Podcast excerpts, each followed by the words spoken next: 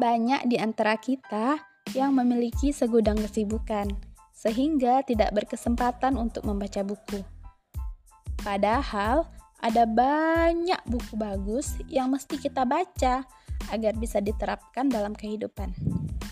Nah, saya akan menyajikan kepada teman-teman tentang intisari dari bab buku yang sudah saya baca. Semoga pesan dari bukunya bisa tersebar lebih luas lagi dan semakin banyak yang mendapatkan manfaatnya. See ya!